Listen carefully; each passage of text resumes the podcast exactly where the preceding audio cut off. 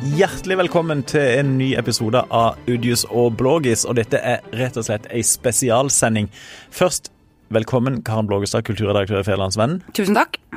Kan du si Også velkommen til deg, Vidar Udius, politisk redaktør i Federlandsvennen. tusen takk, men mest av alt velkommen til Jan Erik Mustad, førstelektor, UiA, engelsk ekspert blant annet.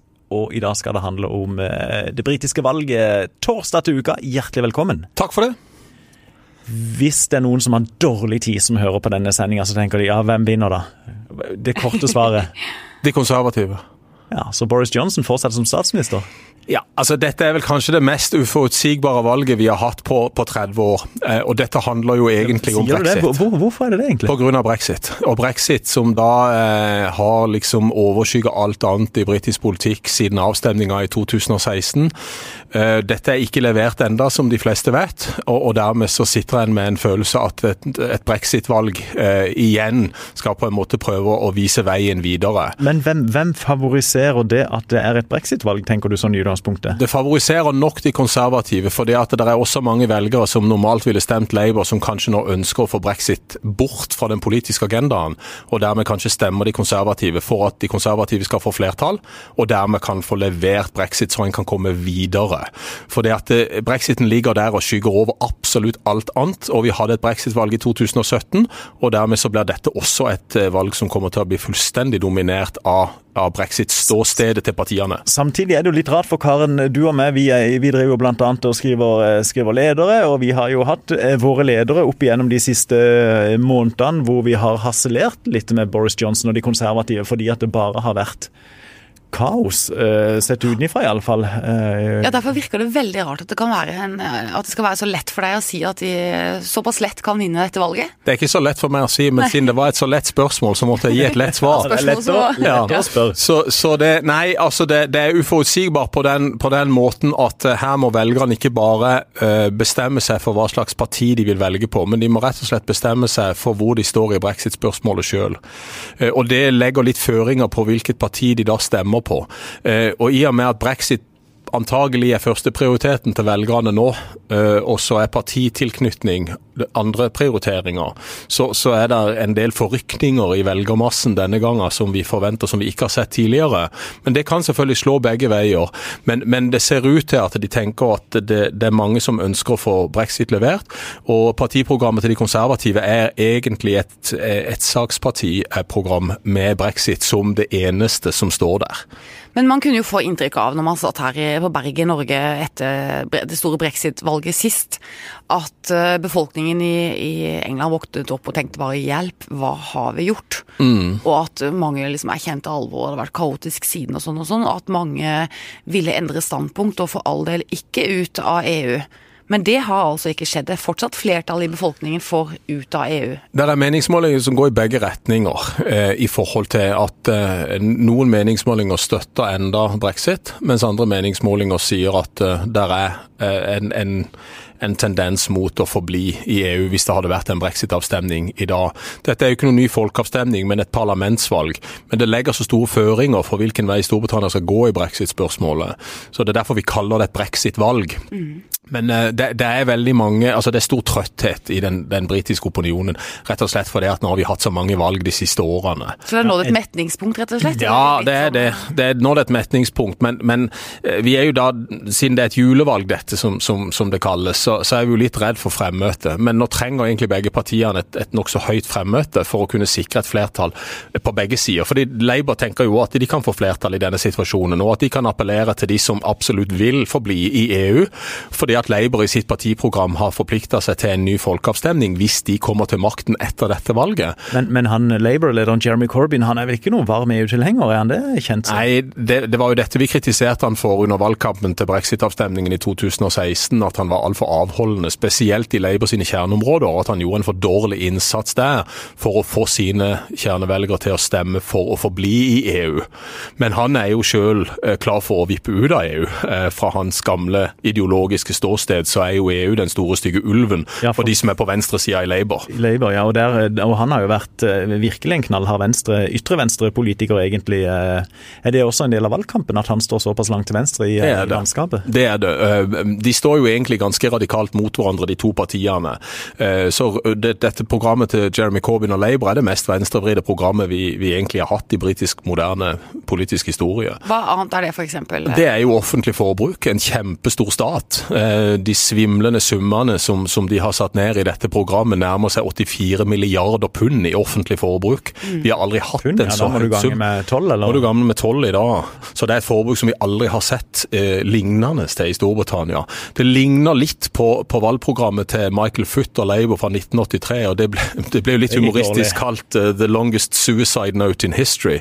Ja. Så dette er jo også, eh, dette, Så dette, dette er jo den plattformen som Jeremy Corbyn da ønsker å eh, kjempe dette valget på, eh, og, kan veldig gjerne da være at eh, det skremmer såpass mange vekk, også som kanskje vil være tilbøyelig til å stemme Labour, men skremmer de rett og slett vekk og stemmer konservativt istedenfor. For dette her er helt vilt, altså, egentlig. Ja, for Hvis du er tilhenger av EU i, Ja. og skal stemme nå, og, men samtidig er en moderat sosialdemokrat f.eks., eller tilhører litt sånn moderate politiske livet, så, så er det jo ikke så veldig lett etter valget nå. Nei, det er ikke lett, og det, og det er jo der Liberaldemokratene, det tredje partiet, kommer inn. For de, de profilerer seg selv som det eneste ordentlig forbli-partiet, altså Remain-partiet. Men eh, av taktiske grunner i dette valgsystemet så er det ikke lurt å kaste bort såkalt stemmen sin på Liberaldemokratene, for de vil aldri komme i posisjon allikevel. Og det er jo noe av dilemmaet for velgerne da, som er skal vi si, det vi kaller Middle England, som er middelklassevelgere, som kan gå begge veier, til sentrum venstre og til sentrum høyre. Eh, hvis de nå stemmer på Liberaldemokraterne, så er det på en måte en bortkasta stemme i de fleste valgkretsene. Og Dermed så må de bestemme seg egentlig brexit, Labour eller konservativt. Og, Men og da er det Det er jo litt en forbannelse da for de her liberaldemokratene. Ja. Og særlig i et så polarisert landskap Ja. som du nå har, så klarer de allikevel ikke å erobre det sentrumet der i, i, i antall stemmer, da. Nei, og det som er litt interessant å se der, er jo at i valget i 2010, da det ble en koalisjonsregjering mellom, mellom tidligere eh, partileder David Cameron fra de konservative og Nick Clegg fra Liberaldemokratene, da svømmer jo egentlig alle partiene i sentrum. Nå har vi gått til ytre høyre med Boris Johnson og til ytre venstre med Jeremy Corbyn. Og så er det et vakuum i midten. Og Det er jo litt av den polariserte brexit-debatten som vi ser gjenspeile seg i de politiske partiene også. Fordi at hele Storbritannia, Wales, Skottland, Nord-Irland og England er helt delt i brexit-spørsmålet. Og så ser vi da det reflektert i partienes ståsteder. Men da skulle en jo tro, når Corbyn er så langt til venstre og Boris Johnson er såpass langt til høyre, at det var liksom et betydelig rom for et sentrumsparti som som òg kunne friste velgerne, og som kunne Og- ja, se til oss, og det er sunn fornuft. Og, ja. Og så kan man jo tenke at hvis ikke de klarer å skape seg et rom nå, så vil de aldri klare det. Nei, og det er jo sånn situasjonen er. Og vi har sett på meningsmålingene de siste ukene. Liberaldemokratene begynte veldig bra. Lå veldig høyt på meningsmålingene, det vi kaller kunstig høyt, til å være det tredje partiet i dette topartisystemet. Og så ser vi da den samme tendensen som vi alltid ser med nummer tre-partiet, at eh, oppslutninga minker og minker og minker når vi begynner å nærme oss valget. For da begynner folk å bestemme seg klarere for Labour Men- eller konservativt. Er velgere i Storbritannia mer partibundne, og henger det mer sammen med klassebakgrunn enn det gjør f.eks. i Norge? Altså I Norge så har vi jo hatt, for ikke veldig lenge siden, så var Arbeiderpartiet over 40% nå på en måte nærmer de seg 20-tallet. Velgere vandrer i stor grad mellom partier i Norge. Er det, er det høyere terskler mellom partiene i England? Både ja og nei. Eh, ja, fordi at eh, i det tradisjonelle klassesystemet så har det ligget partitilhørighet i generasjoner. Så det er Labour-familier og det er konservative familier. Jeg har, jeg har venner som, som i, i, i generasjoner har stemt Labour, og som har stemt konservativt. Nei, fordi at det politiske landskapet, som også her i Norge, har endra seg ganske kraftig i løpet av det siste tiåret. Eh, og det betyr at velgere er også på vandring i Storbritannia nå i mye større grad enn det de har vært tidligere. Eh, Og det eh, henger nok sammen med den internasjonale situasjonen vi har. Eh, Strømninger, populistiske strømninger, strømninger på ytre venstre, ytre høyre. Og dermed så, så ser det ut som at sentrum blir på en måte litt sånn tomt. At det er ingen politiske partier som virkelig står igjen som sentrumspartier. For de når rett og slett ikke opp for det at det er polariserte akser i, i det politiske landskapet overalt, og også i Storbritannia nå. Men hvis du trer eh, en liten meter ut av det offisiøse landskapet, og du beveger deg rundt i hverdagslivet til britene flest, Hvordan merker du denne splittetheten der da? Du merker det i familier, du merker det i, i gata, eh, du merker det i debatter. Eh, de siste årene så har jeg besøkt mange venner i Storbritannia, og det er nesten sånn at som i USA, at du skal helst ikke snakke om den amerikanske presidenten, og, og her skal du helst ikke snakke om brexit. fordi at det er så, det er så splittende, både i lokalsamfunn, i familier, i jobbsammenheng. Og det er så sterke følelser involvert i dette her, at du, du ser veldig fort hvor, hvor, hvor splitt Hvis du reiser rundt i Storbritannia, så ser du hvor, hvor splittende brexit har blitt. Og så ødeleggende det. Store tingen for en nordmann som skal på fotballtur nå før valget, det er ikke på en måte å breie alle seg inn på en pub og si What do you think about brexit? Nei, det var kanskje ikke det første jeg ville gjort. Jeg tror først jeg ville gått til disken og fått meg en øl og litt stille og rolig sondert terrenget. Ja. ja. Men du, jeg må spørre deg om en ting, for ja. det er jo et kaotisk landskap å forholde seg. Altså, Du spår at de konservative vinner valget, men hvis eh, Corbyn vinner valget, mm. hva er den mest sannsynlige veien videre da? For brexit tenker du på da. Ja. Eh, det de har skrevet i partiprogrammet sitt, eh, det er at eh, hvis Labour vinner, så skal de reforhandle avtalen med EU innen tre måneder. I løpet av seks måneder etter det igjen, så skal de ha en bekreftende folkeavstemning på den avtalen. Så det vil altså si at folket får et alternativ å stemme på denne avtalen som Labour da har forhandla frem, eller å forbli i EU. Så hvis Labour vinner, så kan det rett og slett bli at eh, brexit droppes helt og fullt. Ja, og da kan det bli et Da blir det i hvert fall et eh, brexit-valg helt eh, eksplisitt. Ja, så, så det, det, det, er derfor at, at vi sier det, det, er et brexit-valg. Ikke bare fordi at Storbritannia står ved et veiskille, men fordi at i partiprogrammene så står det veldig klart definert hva de to partiene ønsker å gjøre dersom de vinner. Og Labour har sagt klart at de vil ha en ny folkeavstemning, mens de konservative vil levere brexit før 31.1. Eh, Vidar, du har et spørsmål. Jeg skal bare stille ett spørsmål til som har litt med dette å gjøre. fordi at Jeg må bare spørre om en ting. Hvis britene enda en gang skal komme til EU og forhandle en ny avtale, ja. mm. Eh, hvor sannsynlig er det at de får enda et bedre utkast, eller det var helt? Det var helt usannsynlig at Boris Johnson eh, ville klare å gjenåpne forhandlingene med EU etter at det britiske parlamentet stemte ned Theresa Mays avtale med EU tre ganger. Mm. Han klarte likevel å få EU med på å gjenåpne forhandlingene. Og Det er fordi at EU òg vil ha en avtale. Ja. Det er ikke bare Storbritannia som er desperat etter å få en avtale, det er EU også. Eh, så det er en ganske stor sannsynlighet at hvis Labour nå vinner, så er EU åpne for Lydhøre? Ja, de er rett og slett åpne for å, å gå inn i en, en, forhandlingsrunde med de, for har de, de, har ikke forhandla med Labour før. ikke sant? De har bare forhandla med Theresa Mays konservative regjering, og nå med Boris Johnsons. Så jeg er nokså sikker på at jeg vil si at ja, vi tar en runde med Labour også, for å se om det kan, kan løse seg på den måten. Men da er det, da er det, for da er det egentlig tre mulige perspektiver etter valget til torsdag. Det ene er at de konservative vinner, og de lover velgerne vi skal ut innen utgangen av januar. Ja. Eh, hvis Labour vinner, så blir det en ny folkeavstemning. Da kan hele greia bli droppa, som du sier, hele brexiten. Ja. Og det tredje alternativet det er vel da hvis det fremdeles blir et sånn hung parlament hvor ingen da har flertall. Hva, hva skjer da? Det var godt oppsummert, Udjus, for det er riktig. Veldig oppklarende. Det var veldig godt. Du, jeg syns du var, var veldig klar og, klar og, tydelig der. Nei, altså hvis det blir et hung parlament, det betyr at ikke noen av partiene har flertall i Underhuset. Eh, da er vi jo egentlig like langt. Eh, så da kommer det an på hvilket av de to partiene som blir det største i Underhuset, selv om ikke noen av de har flertall. Så hvis det blir sånn som nå, at de konservative blir det største partiet, men med et mindretall, så må Boris Johnson egentlig ha støtte fra noen av de andre partiene for å kunne kjøre igjennom brexit. Og det ligger det ikke an til at han kan få. Theresa May hadde støtte fra de demokratiske unionistene i Nord-Irland. De vil ikke støtte Boris Johnson. Han har brent de broene der til Nord-Irland. Eh, og dermed så er det egentlig ingen parti igjen som kan støtte Boris Johnson. Så for han er det litt sånn alt på ett kort. Han må sikre et flertall. Hvis ikke så er det på en måte over og ut for Boris Johnson og for denne brexit-planen. Mens Jeremy Corbyn han, han, har større utsikter til å kunne bygge allianser til, til de skotske nasjonalistene og til liberaldemokratene og til Ja, nå er dette partiprogrammet som vi har sagt eh, nokså langt oppe på venstresida. Så det, det, er nok eh, lite trolig at liberaldemokratene vil støtte Labour. Eh, de skotske nasjonalistene er jo i en posisjon som det går an å forhandle med, fordi at skottene ønsker en ny folkeavstemning om Skottlands fremtid i den britiske unionen.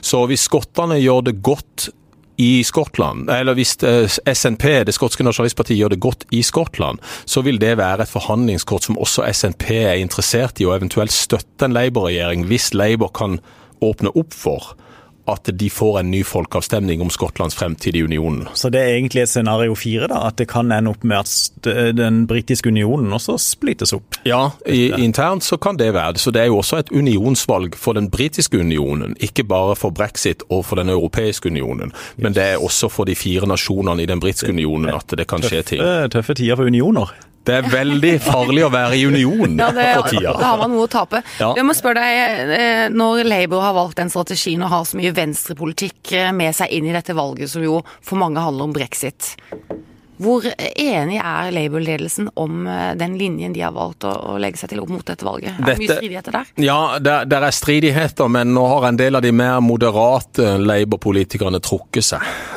Tom Watson, som var nestleder i Labour, trakk seg tidligere. Han sa det var personlige grunner til det, men vi vet at det var åpenbare politiske uenigheter med, med Corbyn. Dette er et partiprogram etter Corbyns hjerte en sosialistisk plattform med en stor stat, med renasjonalisering av mange av de store bedriftene som ble privatisert under Margaret Thatcher. Eh, dette er hans lakmustest om Storbritannia vil ha denne voldsomme kursendringen som dette programmet legger opp til. Så de som sitter i, Labours ledelse i dag, de er innforstått med at dette er det programmet som vi ønsker å gå til valg på. Eh, jeg tviler på at de får flertall for det, rett og slett fordi at Storbritannia ikke er så langt til venstre som dette partiprogrammet legger opp til. Men, men, men samtidig, det er jo svære sosiale forskjeller i Storbritannia. Ja, er, er det ikke en stor hva skal han si, underklasse eller arbeiderklasse, folk som har falt uh, ut forbi, som kan jo. tenke seg å stemme på et sånt parti som vil ta Jo, men de vil stemme Labour uansett.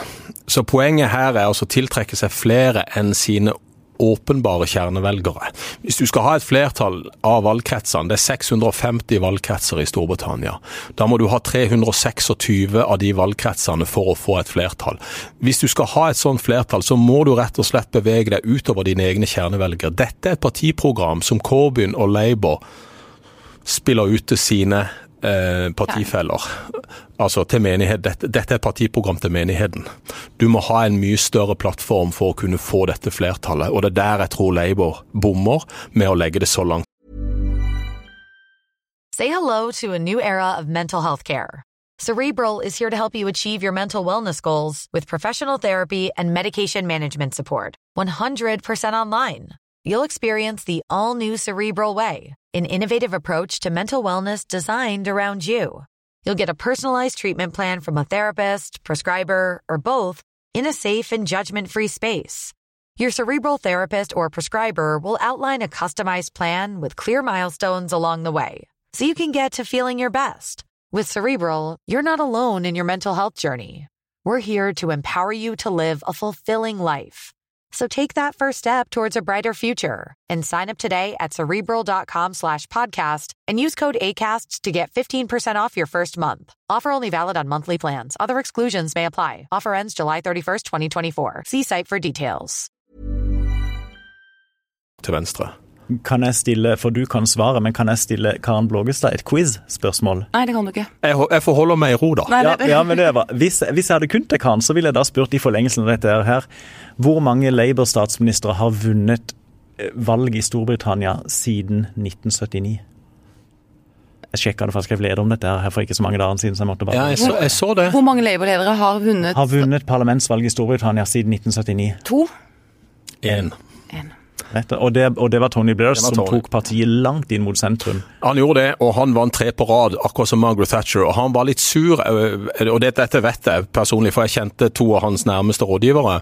Eller jeg kjenner de enda. Men jeg hadde kontakt med de da han var statsminister, og, og de sa at eh, Tony var litt sur, altså. For det at han ikke slo Margaret Thatcher i antall dager han satt som statsminister. Thatcher vant også tre valg. Blair vant tre valg, men så ble han skubba ut av Gordon Brown, og det gikk jo ikke så bra, da. Så vant hun på målforskjellen, Thatcher? Thatcher vant på målforskjellen. Jeg tror hun eh, ikke snur seg i grava, men jeg tror hun smiler litt. Og Det ble vel også sagt at hun, jeg vet ikke om det var et ordrettsitat eller om det ble tillagt henne sånn i ettertid, men da hun ble spurt om sin største politiske seier, så svarte hun da Tony Blair. Ja. Så Det sier jo litt, litt om å legge premissene som han prøver nå å endre, da, Jeremy Corbyn. Absolutt. Vi er, vi er langt unna uh, Blairism uh, med Jeremy Corbyn. Ja, for det er litt klart. interessant. Hvis, hvis Corbyn nå går på et nederlag, for jeg forstår deg slik, uh, Musa, at du mener at dette er et være eller ikke være for Boris Johnson, dette valget. Mm. Men for Corbyn, hvis han går på et nederlag nå hvis du... Det er vinn eller forsvinner like mye for han. Mener du det? Ja. ja, fordi at eh, han har sittet som partileder eh, siden 2015. Mm. Han er stemt inn av denne momentum grasrotbevegelsen, Mm. eh, som, som var veldig entusiastiske for å få en Labour-leder som lå veldig langt til venstre. Men hvis, hvis han taper på dette programmet som står hans hjerte så nær, så viser dette at hans ideologi og hans politikk da ikke passer kanskje eh, i forlengelsen av dette valget. Eh, så da vil han kjempe en enorm kamp for å overleve som partileder i Labour. For da ligger det noen krefter bak denne venstrevridde partiledelsen i Labour som vil si at vi kan ikke fortsette med dette, for vi har ikke sjans til å få et flertall i Underhuset med han som leder. Dette var jo det Tony Blair gjorde, og så kan en like det eller ikke like det, men han flytta partiet ned mot sentrum for å kapre disse såkalte Middle England-velgerne, som enten kunne gå til sentrum høyre eller til sentrum venstre. Han appellerte til etniske minoriteter og til kvinner, og skjønte at eh, disse må jeg kapre for å kunne få et flertall. I 1997, da han kom inn, så vant han 419 av 659 kretser. Det er det største, den største valgseieren i britisk politikk ever. Så, så det var jo suksessformelen, og han vant tre valg på rad, fordi at han, han gjorde en, en, del grep med Labour i, i, form av modernisering. Nå har jo Corbyn reversert dette, og, og tenkt at dette er plattformen som Labour skal ha, og det er dette som er plattformen som vi skal gi til Storbritannia med, med, med denne voldsomme uh, dette, dette, økte offentlige forbruket, denne store staten. Og det er riktig som Vidar sier, det er mange underklasse, arbeiderklasse som vil støtte dette, men de støtta også Tony Blair, for de hadde ikke noe annet sted å gå på den tida. Og det er jo noe med det at suksess, langvarig suksess hos den ene sida fører jo til voldsom frustrasjon og lederkannibalisme på den andre sida. Da, da Thatcher vant sine valg, så prøvde de jo med forskjellige leder Labour. Ja. Da Tony Blair var leder, så spiste de jo ledere på den konservative sida, og nå ja. igjen leder de jo litt i blinde hos Labour. De konservative har styrt nå siden 2010, er det det sammenhengende? Ja, siden 2010. Så Sånn sett så skulle du kanskje tro at det var momentum for venstresida, men igjen så er det dette her spesielle valget. Men du på høyresida, hvor, ja. hvor høyre vridd, eller eventuelt hvor populistisk er Boris Johnson? Dette, dette, det er litt vanskelig å måle det ut fra dette partiprogrammet. Nå la han i dag eh, fram egentlig en plan for de første 100 dagene hvis de konservative vinner. Det er nok mer tradisjonelt konservativt eh, i forhold til det vi forventer fra et konservativt parti som skal kutte eh, skatter, som skal minske forbruket egentlig fra staten, som ønsker en liten stat, ønsker et stort privat næringsliv, ønsker privatisering av offentlige tjenester. Men det har ikke vært like radikalt høyrevridd som Labours er radikalt venstrevridd. Men også, samtidig har jo, han har jo tidligere reist rundt fra sykehus til sykehus og, og lovt nye sykehus ja. og lovt full finansiering av eksisterende sykehus, offentlige sykehus. Ja. Og det har jo vært egentlig litt antikonservativt, fordi at han har også en ganske stor forbrukspakke. Og så skal han i tillegg gi skattelette. Så her er vi jo inne på, hvis, hvis en tolker populisme, da, i den grad at en gir med begge hender. Så han er litt mer populist enn konservativ? Ja, ja han, han, er, han, er, en salig blanding. Han er egentlig en sosialliberaler som, som, som, uh, som David Cameron. De, de, vokste jo opp sammen og gikk på skole sammen, og tilhørte egentlig den samme fløyen uh, i det konservative partiet før brexiten skilte, skilte de ad. Uh, så, sånn rent ideologisk så er han egentlig en, en konservativ politiker politiker inn mot sentrum, altså. Mm. Men, men, han har jo blitt den bajasen og den typen som han er blitt. Nå har han for så vidt roa den retorikken etter han ble statsminister. Han har oppført seg mye bedre som statsminister enn det han f.eks. gjorde som utenriksminister og det han gjorde som borgermester av London. Så han, han, har tatt seg litt i det, for han fikk jo en del kritikk at du kan ikke oppføre deg som en guttunge når du er statsminister, rett og slett. Du, når dette, denne store diskusjonen har ført til eh, et polarisert og splittet eh, land, hva og, og, det er en så vanskelig situasjon å være velger i, eh, Storbritannia nå. Eh, har det ført noen diskusjon om sunnheten i demokratiet der? Ja, det er mye demokratidebatter overalt i den vestlige verden, syns jeg, også i Storbritannia. Eh, dette valgsystemet er jo, er jo, litt spesielt for oss i Norge, som egentlig ligger på den helt andre skalaen i forhold til eh, det proporsjonale i det norske systemet. Og det er klart, eh, de ler ikke av Norge bare når det gjelder vår tilknytning til EU, de ler av Norge også når vi har fire partier i regjering. De har store problemer med å få to partier i regjering som ikke kan samarbeide. Fordi at de er vant til å sterke flertallsregjeringer i Storbritannia. Mens vi liksom Den forrige kommentaren jeg fikk fra en, en, en professorkollega i Storbritannia Ja ja, hvor mange partier har dere i regjering nå? Er det fem eller seks eller syv, liksom? Ha-ha. Så det at de, de, de, de, har på en måte en tradisjon for sterke flertallsregjeringer. Men så er det jo denne demokratidebatten som, som, som har herja overalt, og også i Storbritannia i forhold til valgsystemet, at det er lite demokratisk. fordi at disse små partiene ikke når opp. Du har jo sagt hva du tror vil skje eh, under valget neste torsdag, men hva håper du? What would Mustad have voted? I would have voted uh, Liberal Democrats. Altså, jeg rett og slett, uh, hvis jeg skal være personlig, som jeg som regel ikke er da, men siden du spør, um, så ville jeg stemt Liberaldemokratene. Jeg er for at Storbritannia forblir i EU. Jeg tror de har det best i EU. Jeg er også eh, unionsmann i forhold til den britiske unionen. Jeg forstår skottene at de kanskje eh, er en del skotter som ønsker seg ut. Jeg tror Skottland har det best i Storbritannia, og jeg tror Storbritannia har det best i EU. Så jeg vil nok uh... Så mener vel vi tradisjonelt i Skandinavia også at EU har det best med Storbritannia i EU. For Storbritannia har vel stått for mange av de verdiene internt i EU som er litt typiske nordiske verdier, kanskje, i forhold til ikke for tett integrasjon og ja. ja.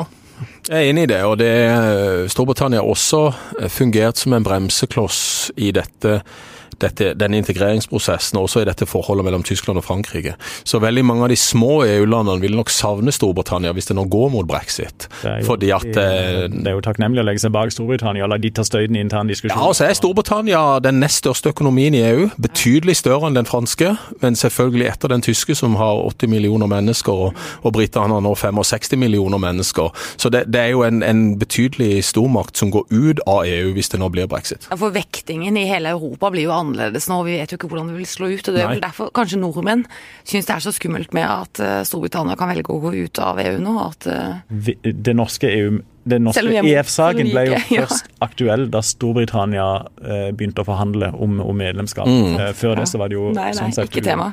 utenkelig. Men skulle vi hatt et lite veddemål, eller på hvem som, eh, hvem Ja, det kommer. Og mye legger du på bordet? Snakker vi nok, eller snakker vi Stirling? Jeg syns vi må pakke Stirling. Stirling, ja, ok. Jeg må bare tenke hvis en ganger med tolv. Ja, da, kan jeg, da kan jeg stille ti Stirling. Ti Stirling, ja. Ti Stirling. Men da må jo jeg le kanskje legge ti Stirling på de konservative, siden jeg gikk så hardt ut til å begynne med her. Ja. Du vedder ti pund på de konservative. Karen, du vedder ti pund på Tar du Labour eller Hung Parliament? Uavklart. Hung Parliament. Hung Parliament. Da, da blir det Corbyn. Da blir det Corbyn, og det er vi, da. Jeremy Udius. Ja. ja. ja Jeremy Udius. Yes, ja. very good. Og Boris, uh, Mustad og Hung Blågestad. ja, da har vi det. Det er veldig bra. Yes. Da henger det veldig fint i lufta. Og det er veldig greit. Da, da, da, ser vi på det, og så kan, eh, kan ikke du takke og avslutte, Karen? Da skal jeg gå og finregne litt på mye tid. Oversette ti pund til uh til norske. Til norske, Hva det egentlig blir i kroner og øre. Ja, det blir 120, så vidt jeg kan ta fort hoderegning. Gud, dere er kjappe i regninga. Ja, vi er det. Og gode på politisk analyse. Det vil jeg også si. Tusen takk for at du tok deg tid til å være med oss i podkasten, eh, kjære Musa. Vi kommer sikkert til å invitere deg igjen. Og takk for at du var med, Vidar Udhus, og takk for at jeg var med, Karen Blågestad. Og takk til alle dere som hørte på.